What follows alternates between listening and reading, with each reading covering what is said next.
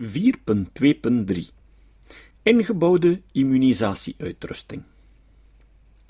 De goed uitgeruste psychoanalyticus goochelt niet enkel met concepten die een ingenieus epistemisch dubbelleven leiden, of met jokerkaarten die hij in geval van nood uit zijn mouw kan schudden maar hij beschikt eveneens over een uitgebreid arsenaal theorie-interne immunisatiestrategieën die hem moeten toelaten zich te handhaven in kritische intellectuele middens. Het onderscheid dat ik maak tussen theoretische jokerkaarten en immunisatiestrategieën is voornamelijk pragmatisch. Hoewel jokerkaarten eveneens een immuniserende functie hebben, zijn ze vooral geschikt om specifieke klinische situaties op te lossen. Meestal hebben ze ook een min of meer afgebakend toepassingsdomein. De Vereinigung om protest van de patiënt tegen de psychoanalytische interpretaties van de baan te vegen, de erfelijkheidsfactor om de afwezigheid van de gezochte infantiele trauma's het hoofd te bieden, wat ik in dit werk aanduid met de term immunisatiestrategieën zijn polyvalente en algemeen inzetbare afweermechanismen die het eerder specifieke klinische gebruik overstijgen.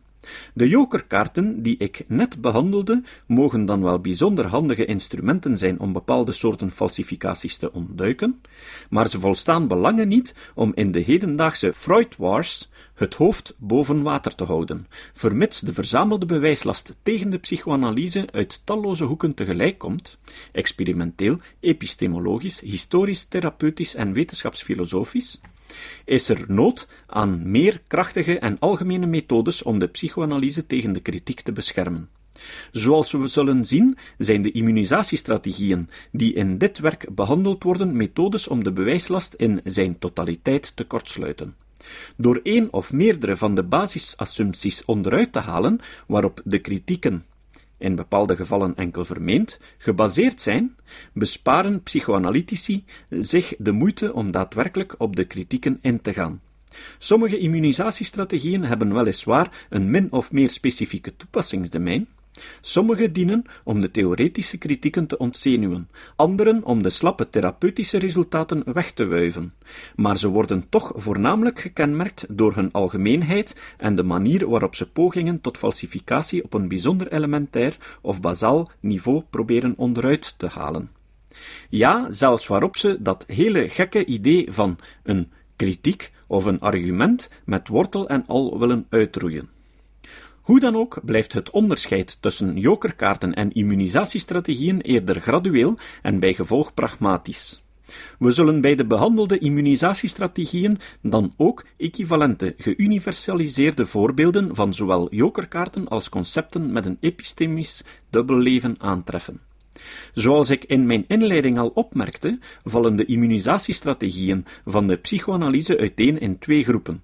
De ene soort bestaat uit typische drogargumenten waarmee ook andere pseudowetenschappers zich tegen objecties immuniseren. De andere groep is op maat gesneden van de psychoanalyse en inherent verbonden met de theorie zelf. Het voorkomen van immunisatiestrategieën van dit tweede type maakt de poging om een strikt onderscheid te maken tussen de theorie op zichzelf en de drogargumenten van haar aanhangers, zoals Grunbouw en Erwin, proberen te doen, een bijzonder problematische kwestie. Neem nu het beruchte argument van de weerstand dat ik straks uitgebreid zal behandelen.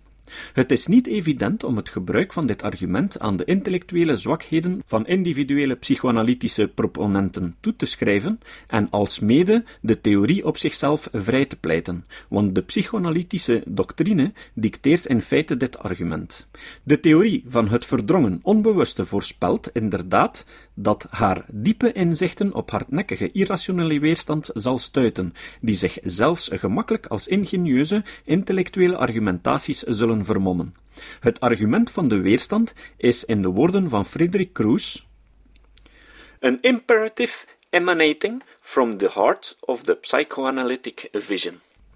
Als het mogelijk is om te argumenteren dat we de theorie op zichzelf moeten zuiveren van de drogargumenten waaraan sommigen, waaronder Freud zelf, zich vergrepen hebben, dan is het eveneens mogelijk om het inverse standpunt van Ernst Gellner te verdedigen, die de theorie op zichzelf als volstrekt hermetisch en niet falsifieerbaar beschouwt, en die net de uitzuivering van een testbare hypothese als een provisoire en herroepelijke concessie ziet.